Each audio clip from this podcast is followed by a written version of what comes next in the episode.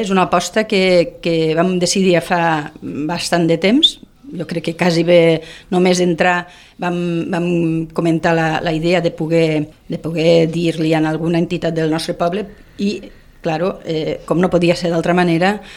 crec que l'entitat més emblemàtica des de,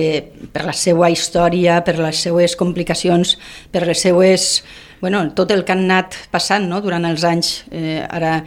faran 40 anys de la seva eh, Constitució i, i crec que és podríem dir que és com un deute que l'Ajuntament té en, amb la banda de la Cala i és un deute i és un reconeixement